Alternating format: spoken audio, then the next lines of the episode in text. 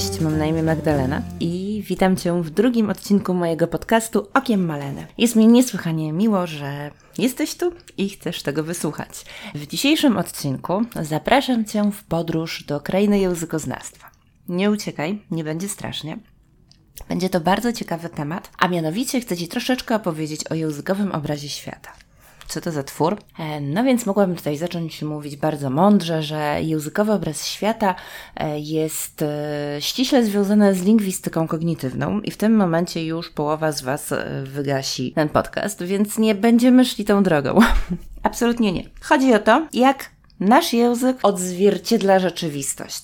Jak nasz język odzwierciedla pewne nasze procesy myślowe i to, jak co jest dla nas ważne, jak wartościujemy świat, jak wartościujemy ludzi, których spotykamy i całe nasze życie. Dzisiaj powiem ludzkimi słowami o artykule Anny Pajdzińskiej. Nie będzie to tylko stricte e, recenzja artykułu, ale będę się w dużej mierze na nim opierać, dlatego że bardzo lubię jej teorię, którą, którą zaprezentowała w tym artykule, gdzie mówi, że tak naprawdę język polski i nasz właśnie językowy obraz świata jest oparty na takim e, kontraście swój kontra obcy, na przeróżnych płaszczyznach. Nie chodzi tylko o ludzi nam znanych i nieznanych. Chodzi o swój kontra obcy, czyli osoba rasy białej, osoba innej rasy, osoba wyznania katolickiego, osoba, która wyznaje inną religię, osoba heteroseksualna bądź nieheteronormatywna mm, i tak dalej, i tak dalej. Chciałabym ten podcast zacząć od cytatu. Analiza języka, którym się posługujemy,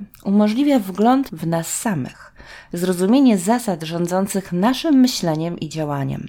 Fakt, że jedną z najważniejszych opozycji organizującą obraz świata utrwalony w polszczyźnie jest opozycja swoi kontra obcy, z całą wyrazistością świadczy o tym, jak istotna jest dla nas przynależność do grupy, życie we wspólnocie, bycie częścią czegoś. Na pytanie, kim jestem, język podsuwa różne odpowiedzi. Pierwszą z nich implikuje już zaimek pytajny.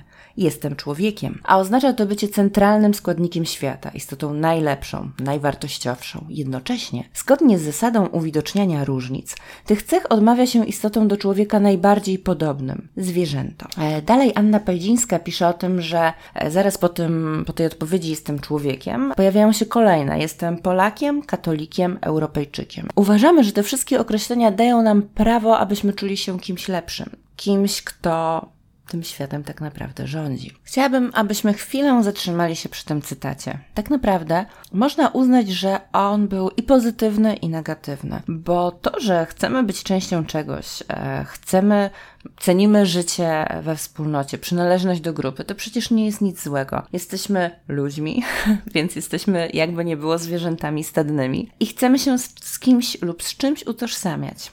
Jednakże e, już kolejny aspekt, to, że uważamy, że nasza kultura jest lepsza i bardziej wartościowa od kultury innej, to jest właściwie przyczynek do wielkiego zagrożenia i do wszelkich rodzących się, tudzież szalejących ksenofobii. Dlaczego akurat teraz wymyśliłam sobie taki temat podcastu? Chodzi mi głównie o, o ten straszny hejt, w którym ostatnimi czasy egzystujemy. I nie wiem jak ty, ale ja czuję się coraz bardziej przerażona tym, jak wiele grup społecznych e, próbuje kogoś stygmatyzować, e, próbuje mm, spychać poza margines osoby o pewnych preferencjach seksualnych, o pewnym kolorze skóry, e, o pewnej narodowości, wyznaniu religii. E, myślę, że każdy z nas powinien jasno i wyraźnie zająć stanowisko, że to nie jest dobre, że myśmy to już e, przeżyli.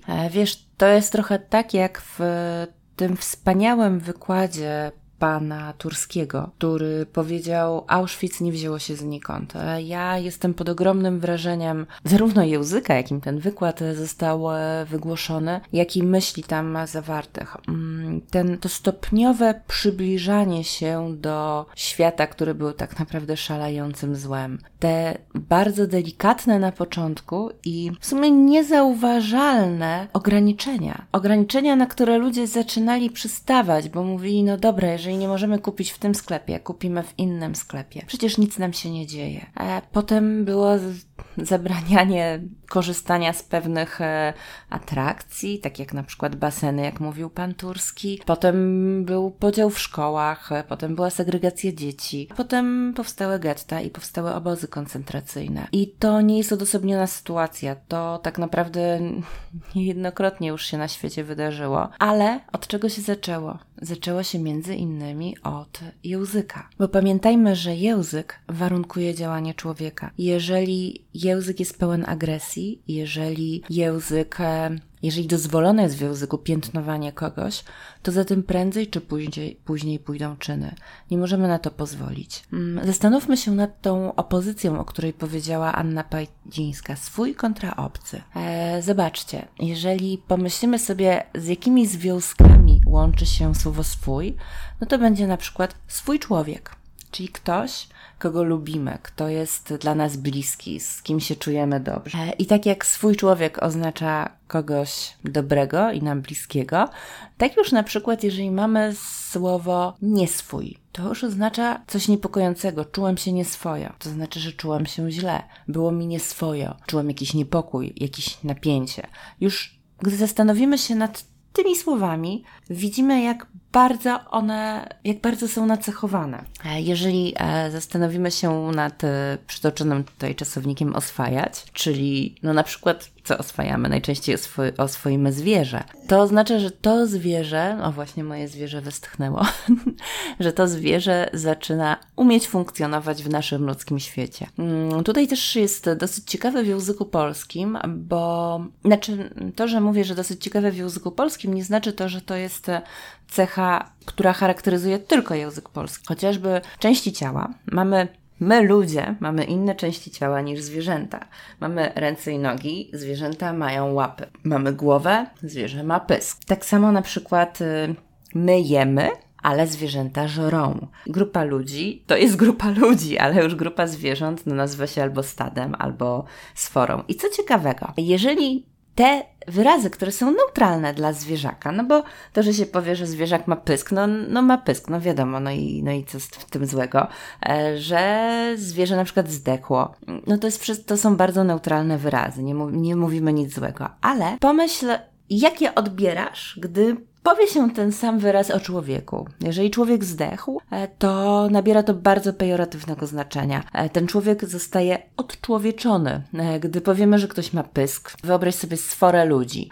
Sfora, watacha to od razu oznacza coś niepokojącego. To, to jacy jakiś ludzi owładniętych jakąś ideą, która nie do końca ma swoje myślenie. To jest kompletnie, kompletnie inaczej rozumiemy sforę i watachę niż na przykład tłum ludzi. Kolejna opozycja swój, nie swój to będzie przed, e, przeciwstawienie kulturowe, czyli nasza kultura i kultura nieznana. Czyli nie wiem, czy zastanawiałeś się kiedyś, skąd powstał wyraz Niemiec?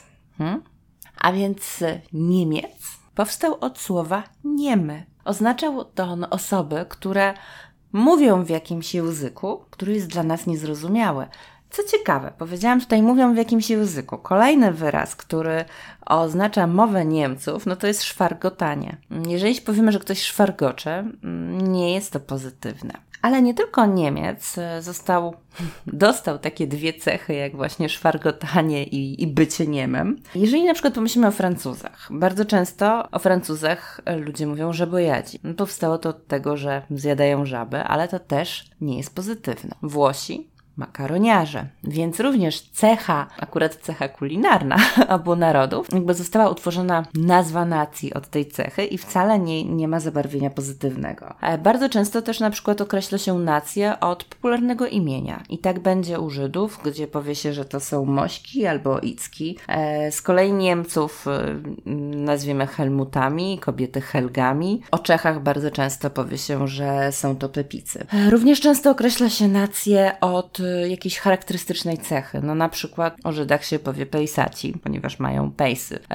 Jest też nazwa bodajże hałaci i to oczywiście pochodzi od tego, że chodzą w hałatach. No tak, tak samo nazwa nacji kozacy no powstała od y, typowego obuwia. Jeżeli pomyślimy o związkach frazeologicznych, które powstają w języku, e, to również bardzo często rzeczy, które są dla nas y, niezrozumiałe, denerwujące, powstają poprzez właśnie dodanie nazwy narodowości do pewnego określenia. No i teraz pomyślmy sobie o filmach. Jeżeli jest taki film, w którym nie wiadomo totalnie o co chodzi, no to jak go nazwiemy? Najczęściej nazwiemy go czeskim filmem. Jeżeli jest ktoś, kto jest bardzo kapryśny i właściwie głównie kaprysi, jeżeli chodzi o jedzenie, to popatrzymy i powiemy z dezaprobatą, że jest to francuski piesek. Kiedyś mówiło się też o kimś, że jest saskim pierdołą. Jest tych określeń jeszcze dużo, dużo więcej, ale, ale nie będziemy się teraz na nich wszystkich e, skupiać. Generalnie, o, jeszcze na przykład e, jest tak, że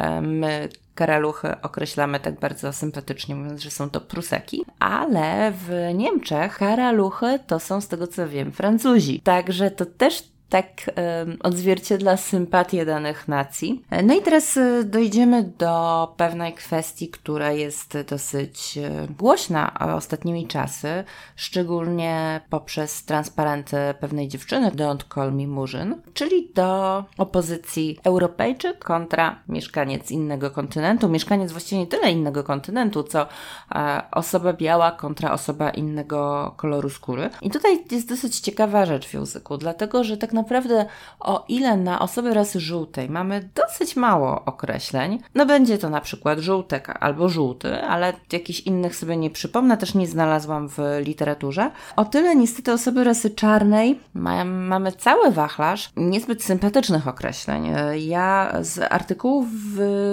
notowałam sobie takie e, bambo, bambus, murzyn, czarnuch, asfalt, brudas, negatyw, kakao, małpa, no i więcej niektóre Wam po prostu oszczędziłam jeszcze, bo już nawet ich nie chciałam czytać. I teraz tak się e, zastanawiam, bo powiem Ci szczerze, że ja jeszcze do niedawna zastanawiałam się, o co chodzi z tym, z tą ambą w, wokół słowa murzyn.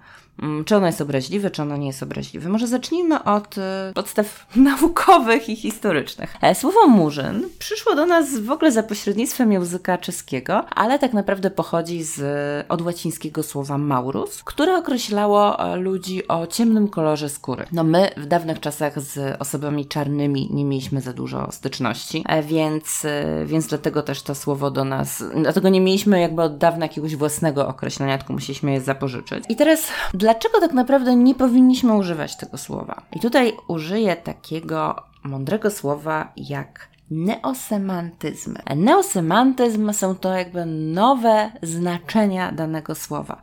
I o tyle, o ile kiedyś samo słowo murzyn w słowniku nie było pejoratywne, no było po prostu określeniem osoby, która ma ciemny kolor skóry. O tyle teraz y, Wyobraź sobie, e, że jesteś osobą czarną i słyszysz w języku takie określenia jak Murzyn zrobił swoje, Murzyn może odejść. Zdaje egzamin na Murzyna. Biały Murzyn. 100 lat za Murzynami. Jakby nie było, nie są to miłe określenia. Próbowałam znaleźć jakieś pozytywne określenie, które jest połączone ze słowem Murzyn i szczerze mówiąc nie udało mi się. Jest też jeszcze jedna rzecz, że nieważne czy język właściwie mówi, czy to jest pozytywne słowo, pejoratywne, neutralne, jeżeli kogoś rani użycie tego słowa, mm, to ja myślę, że to jest wystarczający argument. E, jeżeli czujesz się źle z tym, że ktoś na ciebie mówi ty rudzielcu, bo jesteś rudy, no to chyba to jest wystarczający argument. Nikt nie musi mówić, że rudzielec no to właściwie taka sympatyczna osoba, która ma rude włosy, najczęściej kręcone. Dużo osób by chciało mieć takie kręcone włosy, no więc właściwie o co ci chodzi? Nie, tobie się robi przykro, bo ktoś cię nazywa rudzielcem. I powiem ci, że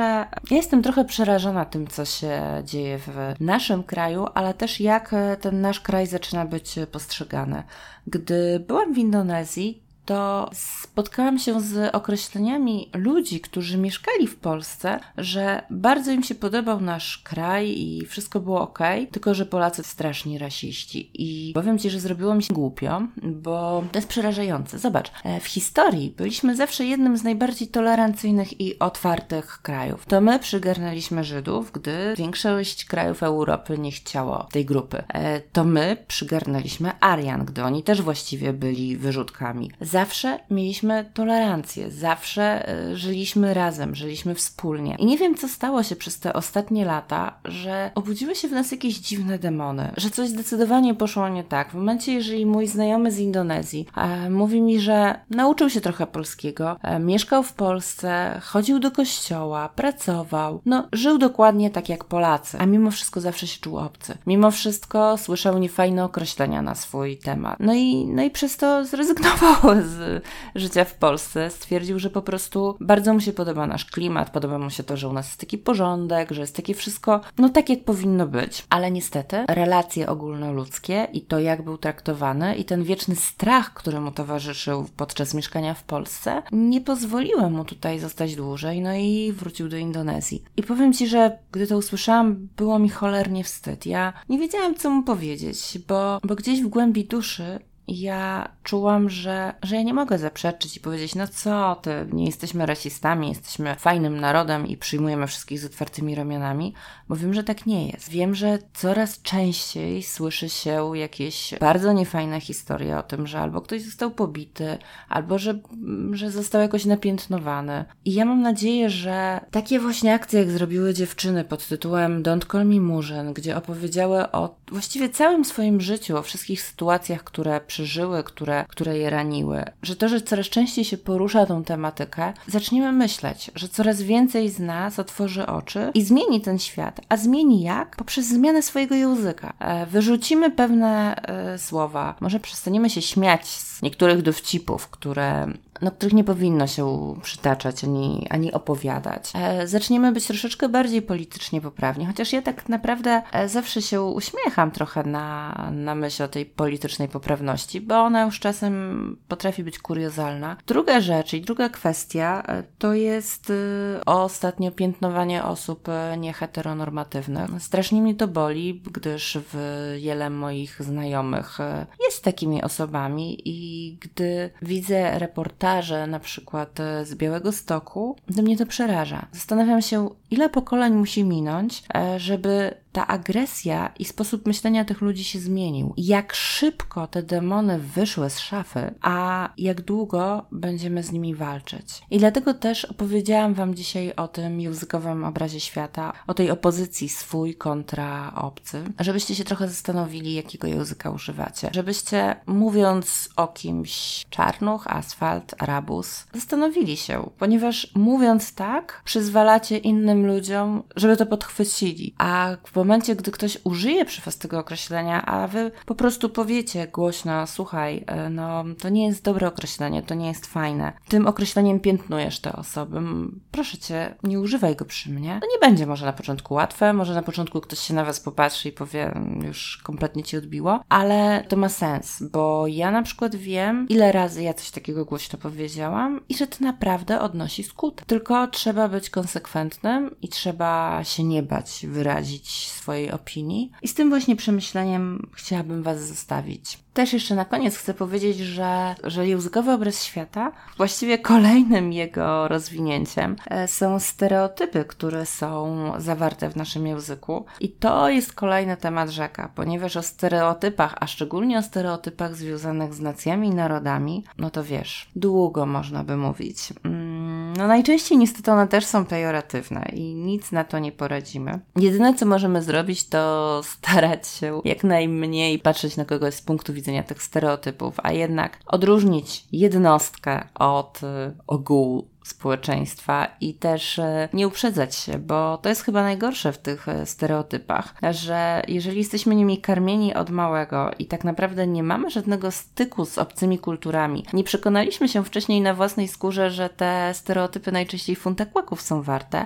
no to potem jadąc do Szkocji będziemy twierdzić, że każdy Szkot jest skąpy, etc. Jest jeszcze jedna rzecz, którą bym chciała na sam koniec poruszyć. Na to z kolei zwrócił uwagę Paweł Cywiński, czyli autor Posturysty. Jeżeli będziesz miał okazję być na wykładach e, Pawła Cywińskiego, to koniecznie musisz pójść. To jest naprawdę fantastycznie spędzony czas i przede wszystkim bardzo wartościowo. Paweł Cywiński kiedyś e, miał taki wykład o postkolonialnym języku i o też pewnej stygmatyzacji poprzez narodów, poprzez to, w jaki sposób my opowiadamy o ich kulturze, opowiadamy o tym, czego doświadczyliśmy podróżując.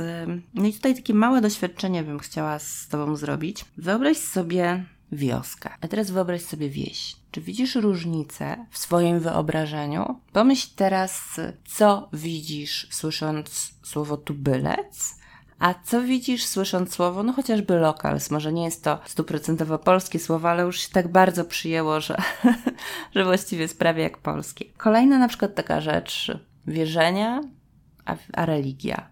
Plemię, grupa etniczna. Chociaż z tym plemieniem, grupą etniczną można by się troszeczkę kłócić, bo tak naprawdę plemię jest e, składową grupy etnicznej, ale mimo wszystko, mm, jeżeli mówimy o świecie, który jest nam dosyć bliski, e, świecie, który jest najczęściej światem zachodnioeuropejskim, w ogóle zachodnim, to jednak użyjemy słów grupa etniczna, religia, wieś. A gdy zaczynamy mówić o świecie, który kiedyś był przez nas, znaczy nie przez nas, ale był przez białych ludzi skolonizowany, to tak łatwo zaczynamy opowiadać, że tubylec ma swoje wierzenia, mieszka w wiosce, której przewodzi szaman i już poprzez taki opis świata, w którym on żyje, zaczynamy go stygmatyzować i udaje nam się tylko i wyłącznie to, że ktoś ma wrażenie, że jest to dzika kultura, dziki człowiek. Zresztą takie, takie e, niestety nawet w podróżniczej literaturze takie sformułowania się pojawiają.